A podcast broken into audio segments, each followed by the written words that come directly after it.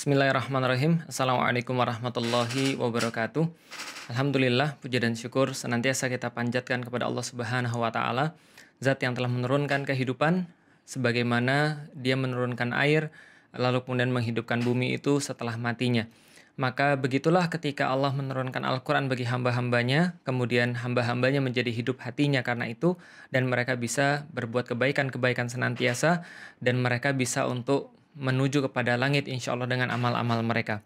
Maka salat dan salam juga semoga tercurah dan terlimpahkan kepada baginda Nabi besar Muhammad Sallallahu Alaihi Wasallam, manusia mulia yang senantiasa kita rindukan, kita nantikan syafaatnya, dan semoga kerinduan kita dengan cara bersolawat kepada beliau, mengucapkan salam kepada beliau, lalu kemudian menaati setiap sunnah-sunnahnya akan membawa kita dikenali oleh Rasulullah Shallallahu Alaihi Wasallam kelak ketika kita berjumpa nanti di yaumil kiamat.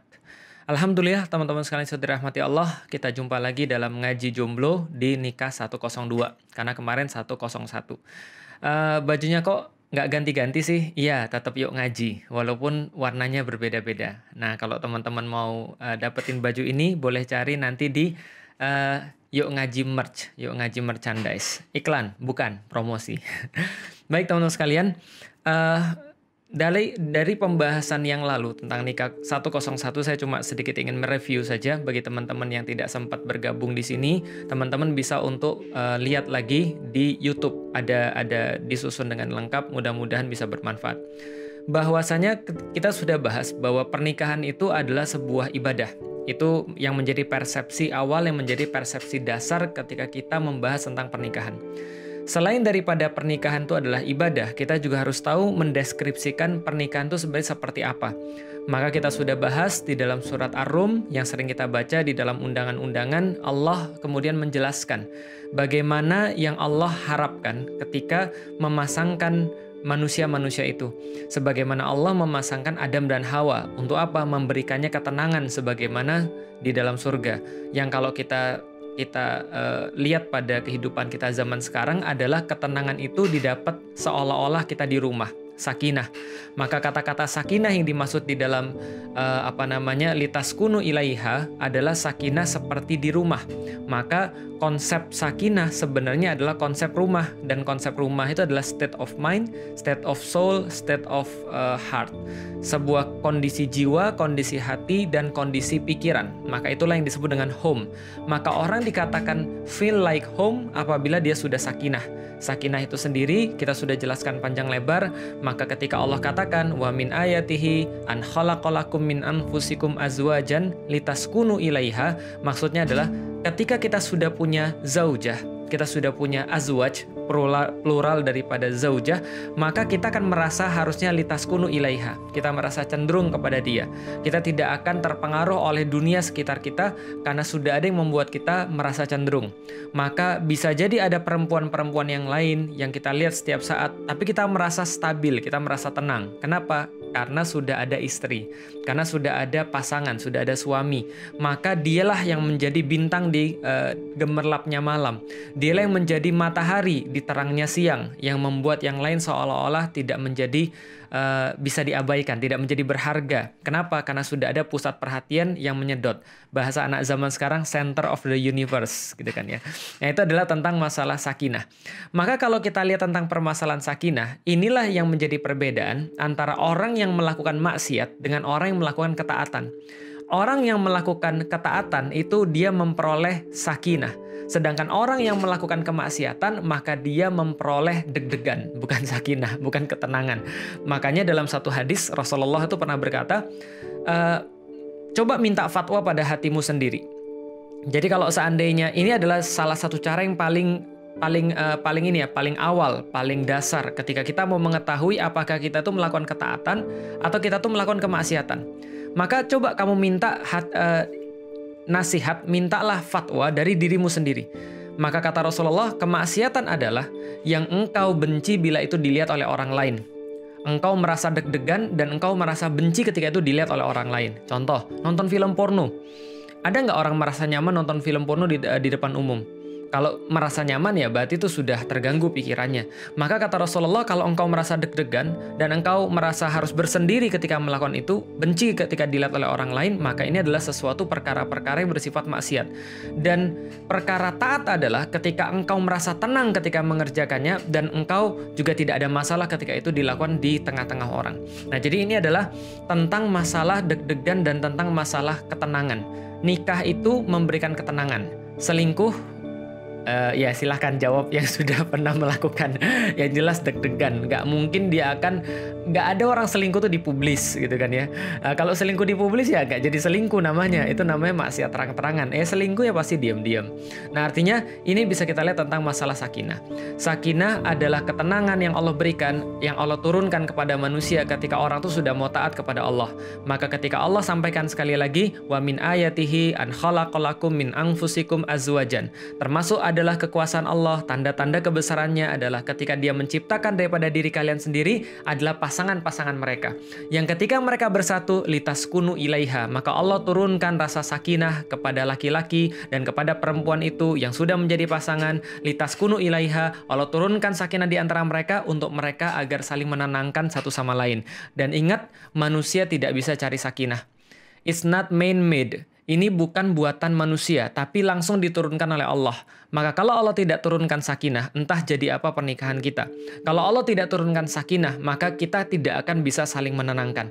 Ini yang perlu kita tahu dan ini yang perlu kita bahas. Dan kita sekarang coba untuk bahas tentang lanjutannya, tentang lanjutan sakinah. Eh sorry sebelumnya, uh, tadi ya, kalau orang yang maksiat itu pasti nggak sakinah. Tapi kalau orang yang sudah nikah, itu biasanya sakinah. Lihat aja. Bagaimana cara bedain orang pacaran sama orang yang sudah nikah ketika jalan berdua. Oh, gampang banget. Nah, kenapa? Gimana caranya? Orang yang sudah nikah itu santai, itu tenang, itu stabil, mapan. Dia paling ya kalaupun pegang tangan istrinya dia pegang se uh, dia pegang sewajarnya dia ajak sewajarnya dia rangkul sewajarnya nggak gerusa geruju nggak gerusa gerusu nggak nafsu nggak gitu kan ya nggak ya ya gitulah pokoknya nggak menggebu-gebu gitu maksudnya. Ya dia santai-santai aja. Tapi kalau ada orang yang pacaran itu apa aja mau dipegang. Nah kalau mau lihat nafsu dan tenang itu ya pas nanti besok kalau mau puasa ya. Nah pas puasa itu ya bayangin jam 2 siang. Lapar banget.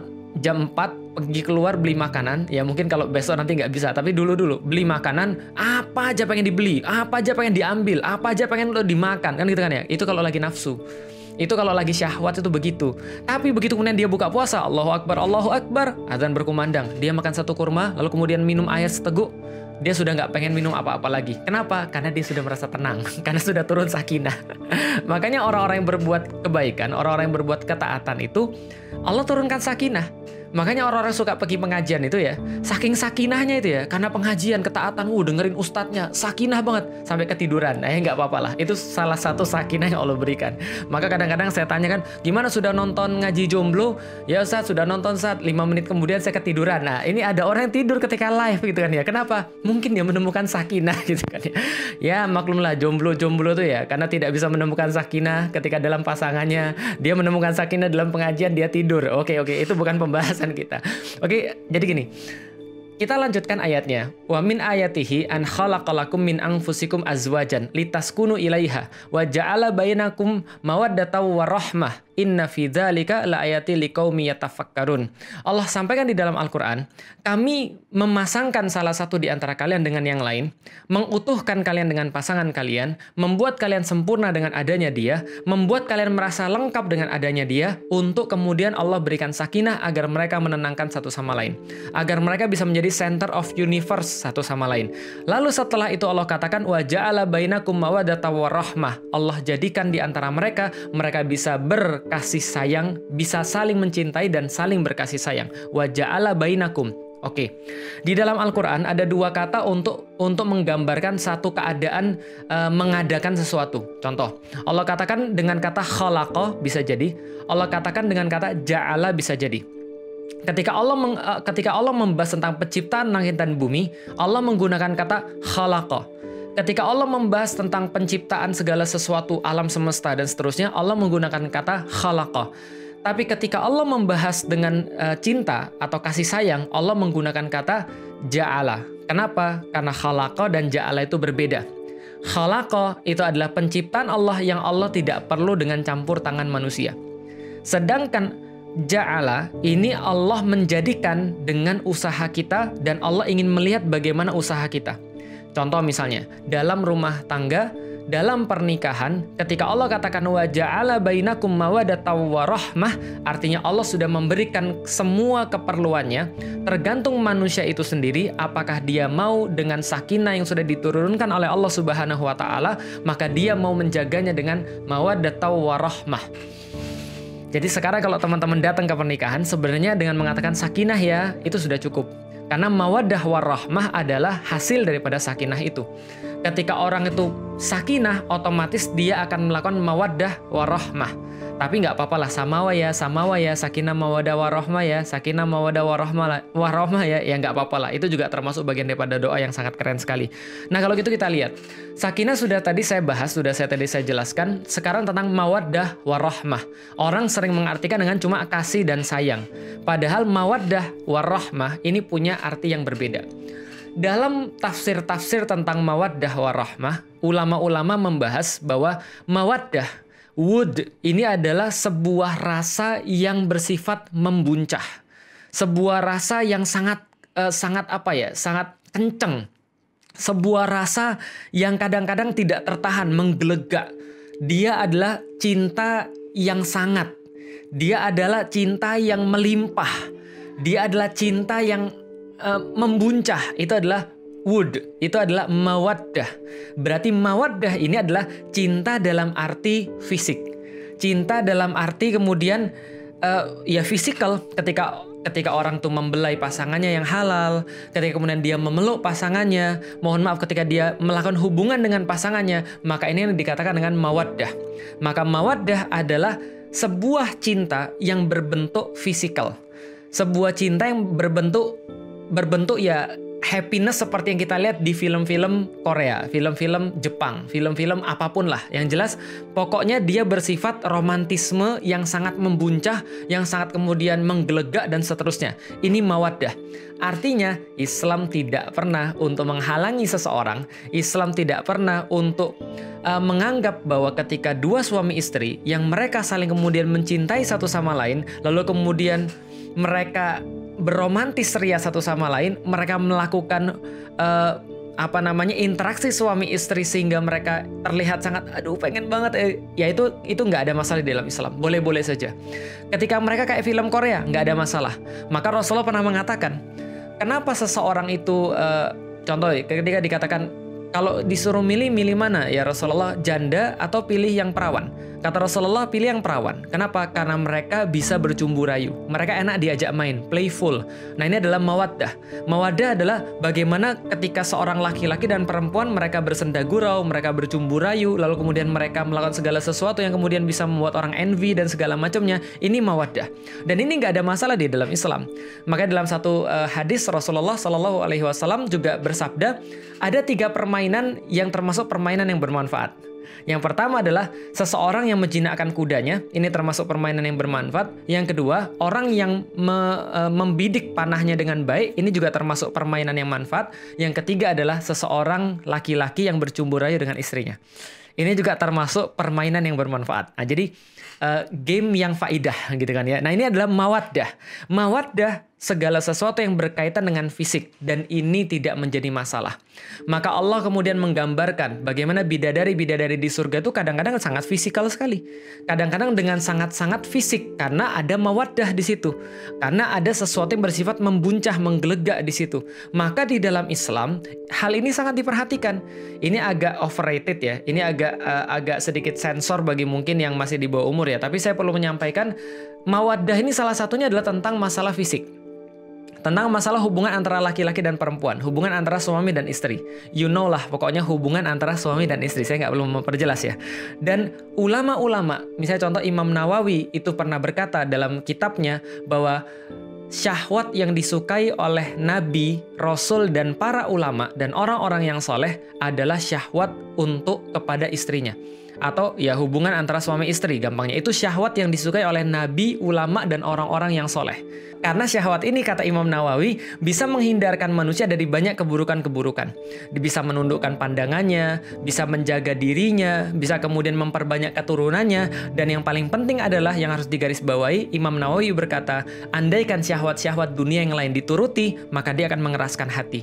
Tapi syahwat yang satu itu, maka dia tidak akan mengeraskan melainkan akan melembutkan hati para pelakunya. Artinya adalah apa? Ini syahwat yang diberikan barokah oleh Allah dalam bentuk mawaddah di antara suami dan istri. Dan ini sangat penting sekali. Dan ini akan saya bahas nanti kalau seandainya pada sesi-sesi khusus bukan sesi umum seperti ini. Yang cuma perlu saya sampaikan adalah mawaddah adalah sebuah rasa yang bersifat fisikal dan ini tidak dilarang di dalam Islam. Sehingga Anda boleh untuk melakukan apa pun yang bisa menaikkan level mawaddah Anda bersama istri Anda kelak nanti ketika di dalam pernikahan. Ini adalah yang pertama. Apa bedanya dengan rahmah? Apa bedanya dengan kemudian uh, kasih kasih sayang yang bersifat rohmah? Kalau mawaddah tadi yang bersifat fisikal. Oke, saya lupa. Saya tambahin lagi. Nah, itu tambahan mawaddah adalah satu lagi ketika Rasulullah Shallallahu Alaihi Wasallam itu sempat bersabda kepada kita semuanya, ya ayuh, uh, ya masyarakat syabab, Wahai para pemuda, manistato amingkumul ba'at falyatazawaj. Barang siapa di antara kalian yang sudah siap untuk ba'at falyatazawaj, maka silahkan mereka melakukan itu, berpasang-pasangan, menikah. Apa ini maksud dengan al-ba'at? Menurut para ulama, beberapa di antara mereka mengatakan al-ba'at adalah hubungan antara laki-laki dan wanita. Nah, artinya adalah mawadah ini penting sekali di dalam kehidupan rumah tangga. Nafsu bersifat fisik, syahwat bersifat fisik itu sangat penting sekali dalam rumah tangga karena itulah para jomblo itu juga tidak boleh melewatkan perhatian terhadap perkara-perkara yang kayak begini. Kenapa? Karena ini menjadi penting di dalam Islam.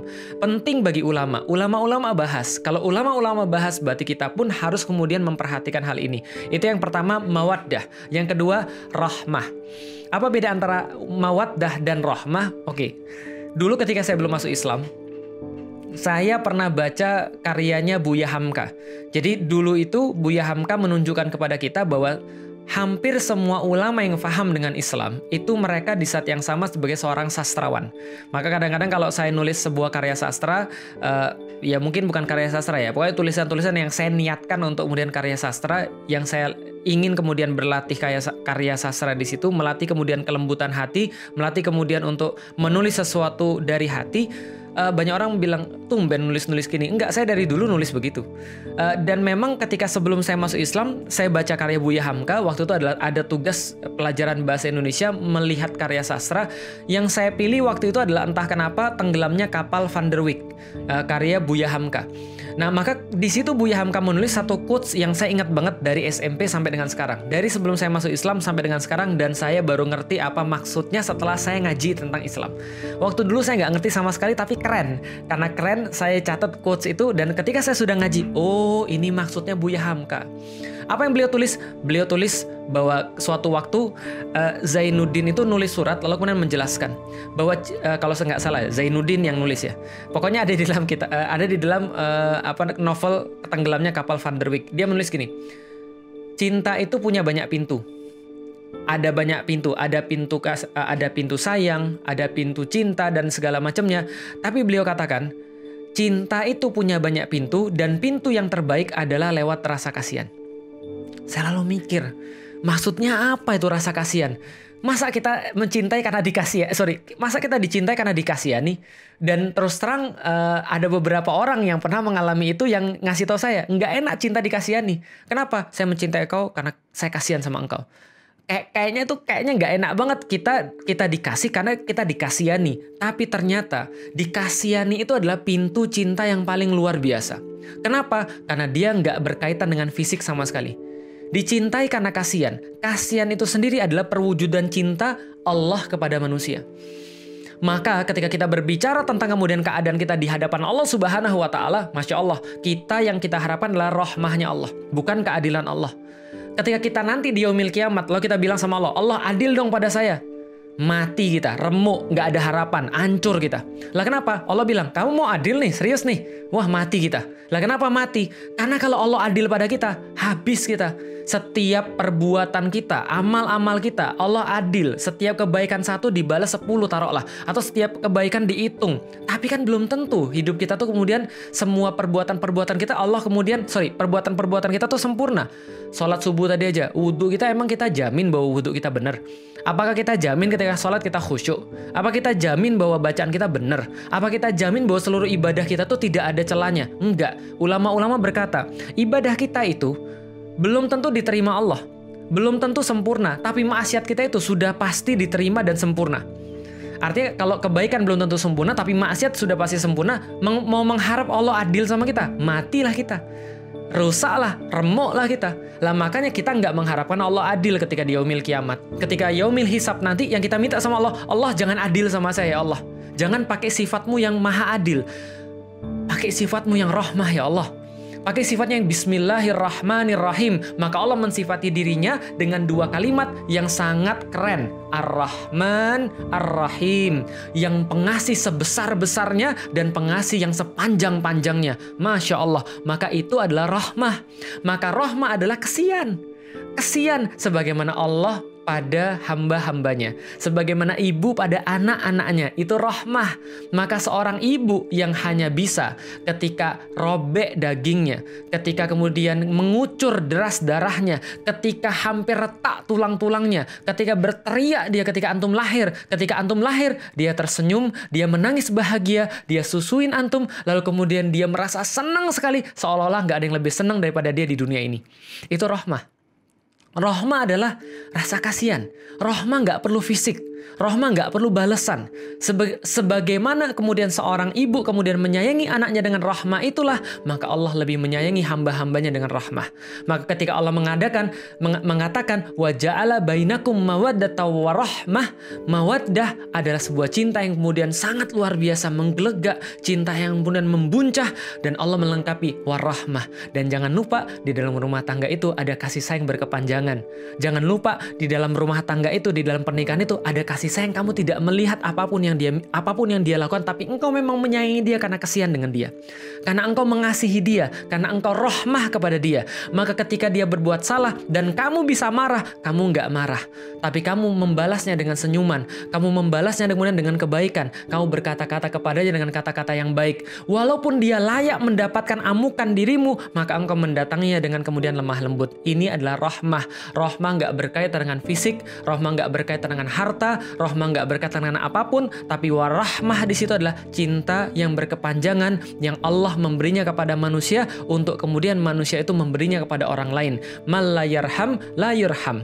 Allah Subhanahu wa taala bersabda lewat rasulnya, maka Rasul memberikan nasihat kepada kita, siapa yang tidak pernah menyayangi, maka dia tidak bisa disayangi. Siapa yang menyayangi makhluk-makhluk di dunia, maka dia akan mendapatkan rahmah daripada Allah di yaumil kiamat. Maka ketika kita mengharapkan rahmah Allah, begitulah kita merohmahi atau menyayangi pasangan kita di dunia. Ini maksudnya rahmah. Jadi rahmah itu keren banget. Ketika kita berbicara tentang rumah tangga, ketika Allah bicarakan sakinah, ketenangan di antara kalian dan Allah memperbolehkan memperbolehkan kalian cinta yang membuncah itu dan Allah memperbolehkan kalian cinta yang menggelegak itu, romantisme dalam rumah tangga itu. Allah memperbolehkan bagaimana cara seorang suami menyenangkan istrinya. Fabashiruhunna di dalam Al-Qur'an. Dikatakan bahkan di dalam mas, uh, di dalam masa bulan Ramadan pun Allah memperbolehkan kita saling menyenangkan satu sama lain di malam hari di antara laki-laki dan wanita yang sudah menikah. Maka senangkanlah istrimu kata kata Allah. Maka istri senangkanlah suaminya, itu mawaddah dan Allah katakan dan rahmahilah pasanganmu dan sayangilah pasanganmu. Pandang mereka dengan pandang pandangan rahmah. Pandang mereka dengan pandangan kasih sayang yang tidak ada urusan dengan fisik. Yang ketika mereka bersalah, ketika mereka berbuat baik pada kalian, pandanglah dengan pandangan rahmah. Sebagaimana Allah telah memandang hamba-hambanya dengan pandangan rahmah. Ini adalah kemudian mawad datau warahmah. Ketika kita berbicara tentang pernikahan, maka wa min ayatihi dan termasuk kekuasaan Allah adalah an khalaqalakum min, min anfusikum azwaj min anfusikum azwajan litaskunu ilaiha wa ja'ala bainakum mawaddatan wa rahmah inna fi dzalika la ayati liqaumi yatafakkarun. Kalau Anda berpikir bukankah itu Allah sangat keren banget? Bukankah tanda-tanda kebesaran Allah sangat keren banget pada orang-orang yang menikah? Bagaimana kemudian di dalam pernikahan itu terdapat ketenangan, Ketika suami dan istri bisa saling mengasihi, semuanya karena Allah, semuanya karena nama Allah, maka ketika seorang suami itu bisa memberikan perlindungan bagi istrinya, bisa mengamankan istrinya, dan istrinya merasa sangat senang berada di dekat suaminya. Maka di situ baru ada kesempatan banyak sekali dalam pernikahan. Maka kita sudah tahu karena itulah ibadah pernikahan itu menjadi sebuah ibadah yang paling panjang dan bisa dimanfaatkan. Kenapa? Karena ketika seorang seorang sahabat bertanya pada Rasulullah, ya Rasulullah, boleh nggak sih saya datang pada istri saya dengan sebuah nafsu yang menggelegak? Rasul bilang boleh. Kenapa? Mawadah. Rasul kata boleh-boleh saja. Boleh-boleh saja karena itu diperbolehkan Allah. Loh, emang saya dapat pahala kata sahabat. Kata Rasulullah kembali bertanya pada sahabat itu. Lah kalau seandainya Anda datang pada orang lain berzina, Dosa nggak? Dosa ya Rasulullah. Begitu pula ketika Anda mendatangi istri Anda dengan pandangan menggeleg, sorry dengan syahwat menggelegak tadi, maka itu adalah sebuah pahala. Di tempat yang lain, Rasul sampaikan, maka pandangan seorang suami kepada istrinya dengan pandangan rohmah adalah pahala. Ketika seorang suami itu kemudian memegang tangan istrinya, maka berguguranlah dosa-dosa dari sana. Ketika kemudian mereka melakukan ibadah bersama, Masya Allah, itu adalah ibadah. Maka pernikahan itu dari awalnya dari mandang aja udah ibadah. Udah nggak usah baper saya cuma ngasih teori aja. Kan antum kan masih belajar ini kan ngaji. Ya nggak apa-apa. Saya cuma ngasih tahu aja bahwa ketika seorang suami memandang istrinya dengan pandangan rohmah ini sudah pahala tersendiri apalagi yang lain. Nggak usah dibayangkan itu teori aja. Yang penting antum sudah tahu terlebih dahulu. Nah itu yang saya bahas pengen bahas tentang pernikahan 102 tentang masalah mawaddah warohmah yang menjadi hasil daripada ketika orang itu sudah ada sakinah. Kenapa orang itu bisa sakinah? Karena mereka menaati Allah Subhanahu wa taala. Karena mereka menikah karena Allah Subhanahu wa taala. Karena mereka mencintai karena Allah Subhanahu wa taala. Maka dalam hadis tadi yang saya ulangi tadi tidak uh, sudah mendapatkan uh, sudah mendapatkan kebahagiaan di dunia. Ketika orang tuh bisa mencintai karena Allah, membenci karena Allah, memberi karena Allah, lalu kemudian menerima karena Allah dan menikah karena Allah di pertemuan berikutnya, di ngaji berikutnya, insya Allah kita akan bahas apa yang dimaksud dengan mencintai karena Allah. Dan kita akan bahas banyak sekali kemudian step-step yang lain supaya teman-teman bisa lebih tahu tentang ngaji, sorry, supaya teman-teman lebih tahu tentang pernikahan di dalam Islam. Itu aja teman-teman sekalian yang bisa saya sampaikan. Kalau ada yang salah saya mohon maaf. Kembali lagi kalau ini teman-teman ketinggalan di sini, teman-teman bisa masuk ke YouTube. Nanti semua sudah saya rekam di sana dan teman-teman bisa menikmati di sana. Kalau ada saran, kalau ada usul silahkan tulis di pertanyaan di kolom komentar YouTube karena nanti saya akan baca walaupun nggak eh, nggak nggak semua saya bisa balas di YouTube, tapi saya akan baca dan saya akan jadikan sebagai uh, pertimbangan ketika saya memberikan uh, sharing seperti ini supaya kalau teman-teman yang ada pertanyaan semoga bisa dijawab. Mohon maaf kalau seandainya ada ada sesuatu kata-kata yang silap, kalau ada di sini yang salah silahkan dikomentari untuk diperbaiki, untuk di kemudian di uh, apa namanya ya di ini diperbaiki gitu kan ya.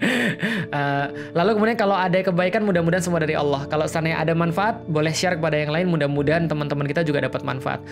Insya Allah tanggal tanggal tanggal 24 atau 23 mungkin sekitar tanggal itu kita sudah mulai masuk puasa. Mudah-mudahan Allah merahmati puasa kita, merahmati bulan Ramadan kita dan kita bisa belajar tentang bagaimana cara untuk menempatkan diri kita. Bagi mereka yang sudah nikah, banyak di antara mereka yang protes, kok jomblo terus yang diurusin, jomblo terus yang dikasih uh, kajian. Iya, ini waktunya untuk jomblo. Nanti insya Allah ada sesi khusus buat ngaji mak-mak dan bapak-bapak. Insya Allah nanti kita akan buat. Mudah-mudahan ada waktunya dan kita masih diberikan kesempatan untuk uh, menyampaikan itu. Uh, bilahi taufiq wal hidayah wa minkum teman-teman sekalian insyaallah dirahmati Allah. Mudah-mudahan kita bisa ketemu lagi. Yuk jaga diri dan tetap taat. Assalamualaikum warahmatullahi wabarakatuh.